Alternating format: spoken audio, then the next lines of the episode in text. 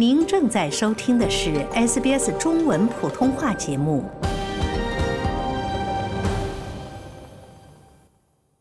先自我介绍一下吧，你来澳大利亚多久了呢？淘金之余的本职工作是做什么的呢？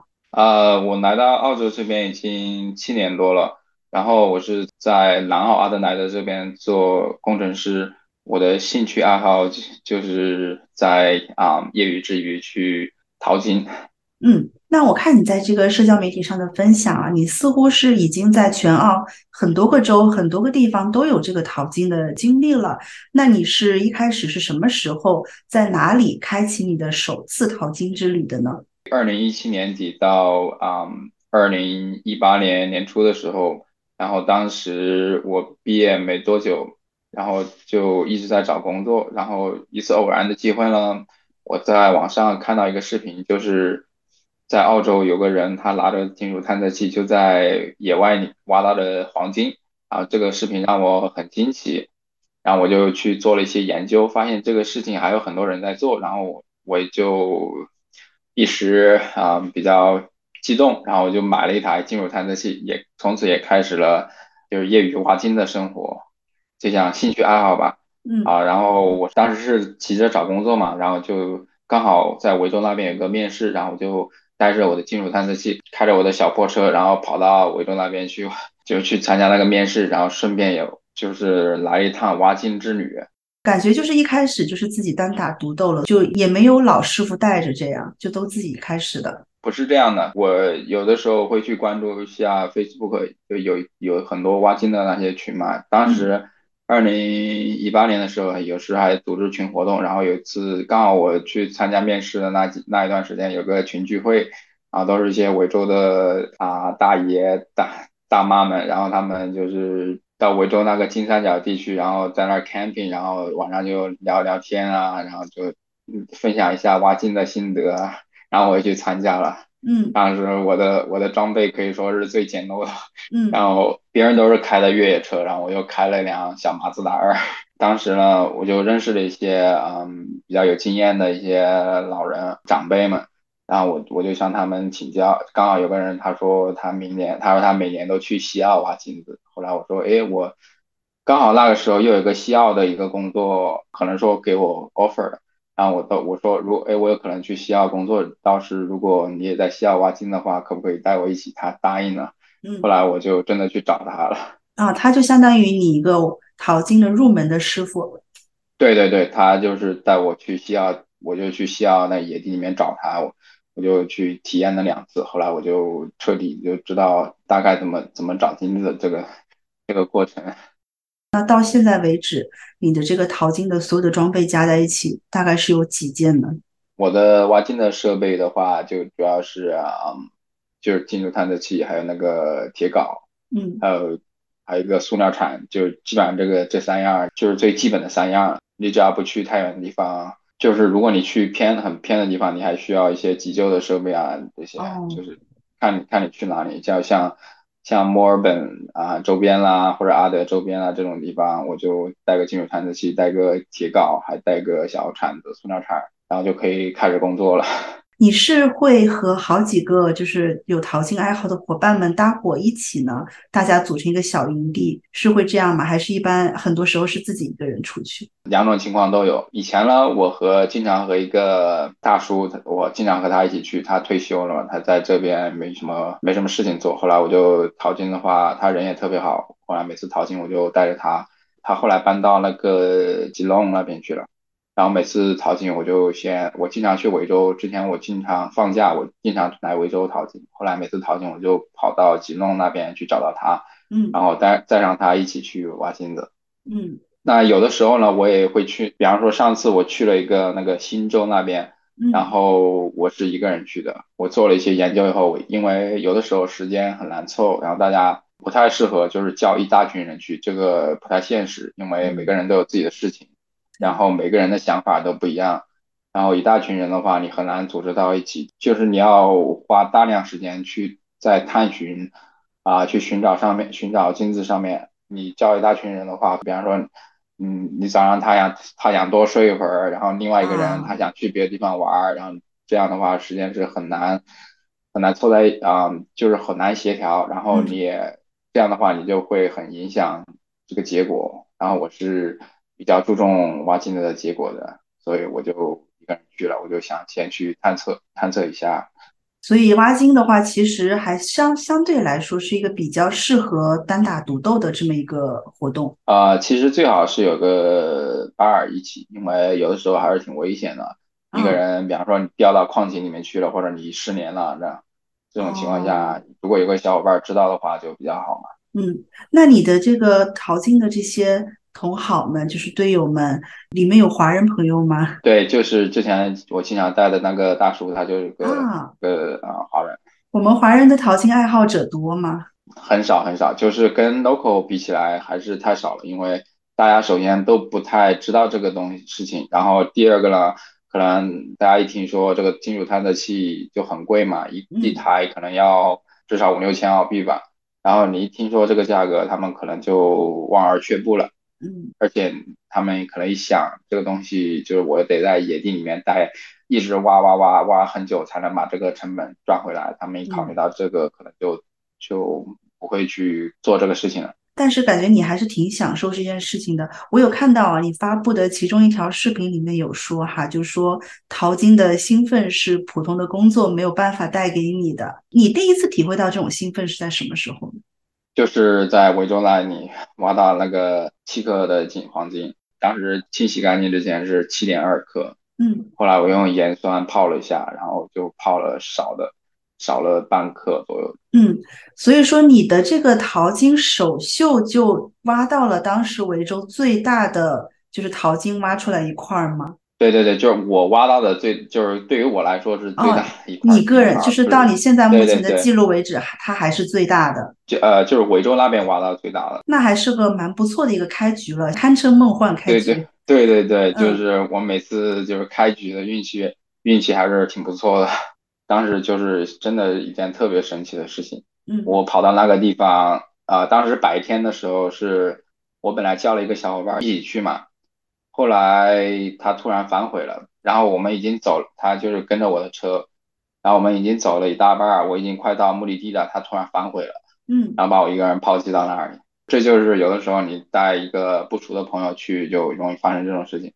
他把我一个人抛那儿，我我在想我是回去呢，还是 继续探了？但我已经来了，但我已经跑这么远了。后来我就硬着头皮一个人跑过去。我第一次在，而且开的车也不是也不是越野车，我就跑到那个树林里面去了，我一个人。嗯后来我跑到那个地方，让我看地面到处都是挖的坑坑洼洼的地方，我就在旁边探，然后旁边都是就是坑坑洼洼，就说明就有别人已经在那儿探了，然后把那地周围东西都挖起来了。结果我就在旁边一个旁边就是一个坑，然后我就在那个坑旁边挖了一个，挖到了那个七克的黄金。我就哦当时我就在，当时我在想怎么怎么大家把这个这个目标把它遗漏掉了。就就就特别神奇，好像就就真的就好像这块镜子是留给我的，然后我就 我又挖到一看一看这么大一块金闪闪的一块金子，我第一次挖到了，我就特别特别兴奋，我在那儿坐着开心了大概十分钟吧。就坐在那儿乐，对啊，就一下捡了几百澳币，就肯定很兴奋啊。这种感觉还真的是蛮好的。可是像你刚才说的，很多人对于淘金这件事情望而却步，也是因为它有很多的辛苦的地方。我们也知道，你最近一次西澳的这个旅行啊，其实是在春末夏初的时候。那么看起来西澳的荒野里面应该是很晒、很热的。对的，是这样的啊。我一般就是挖金子，它不太适合天热的时候。就我觉得啊，二十五度以上可能去挖金子就有点难受了，因为挖金子它是一个产生热量的一个过程，它是一个出汗的一个过程嗯啊，就比较适合冬天去。所以我一般去西澳那种地方，我肯定会选择在啊，就是天冷的天很冷的时候去，因为啊，挖金本来就是个运动的一个过程嘛，你一直在野地里面走路，就肯定会出汗嘛。你夏天太热了，就不太适合这项活动。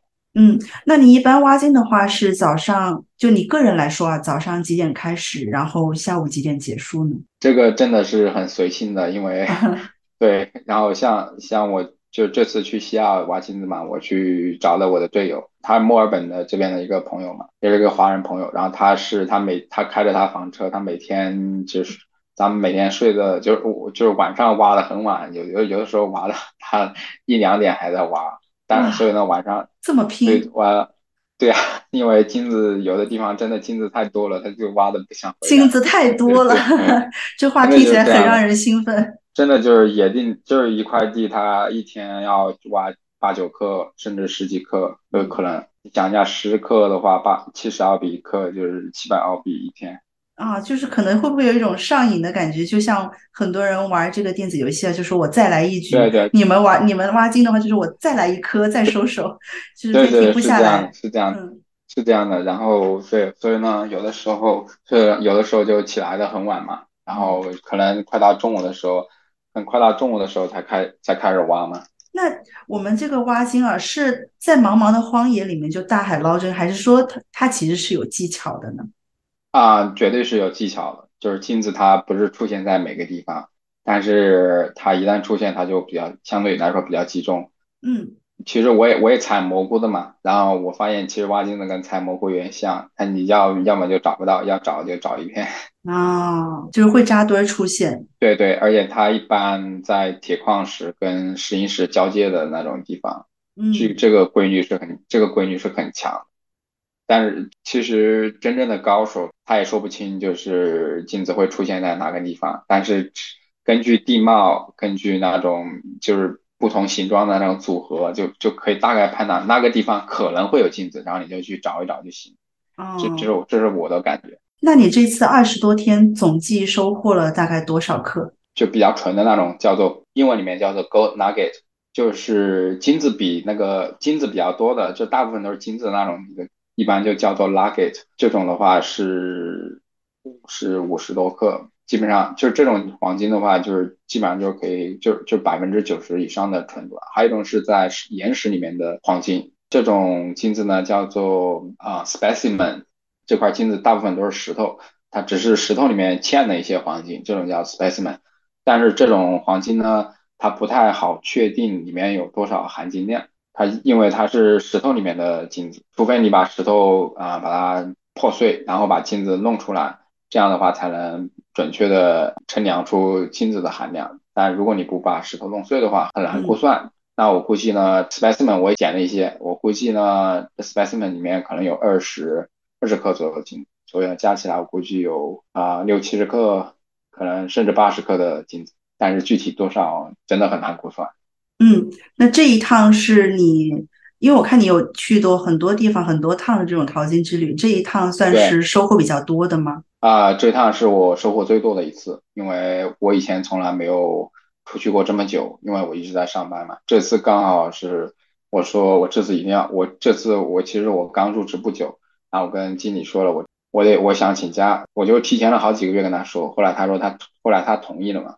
同意了，我才决定去的。本来我都是没有年假的，但是我说我不用，我不要工资，我也要去，因为 我朋友在那儿挖了很多了，我我得去找他。啊，就是实在按耐不住了，宁愿不要带薪假也要去。对对对，我就我就去了。让你最兴奋或者说最难忘的时刻是什么时候呢？啊，其实最让我最难忘的时刻就是第一天，我跟你讲。就开局，就开局，就我就捡了一个超大的，也不能说超大，就非常非常大的一块金块，八克，就是直接打。以前我的进度就是围着那个第一次挖金的时候挖到那个七克的那个金子线，然后这次我第一次去，第一天直接挖到一个八克的，又是梦幻开局。对对对，然后直接挖到一个八克的金子，嗯，就当时就把我兴奋了半天。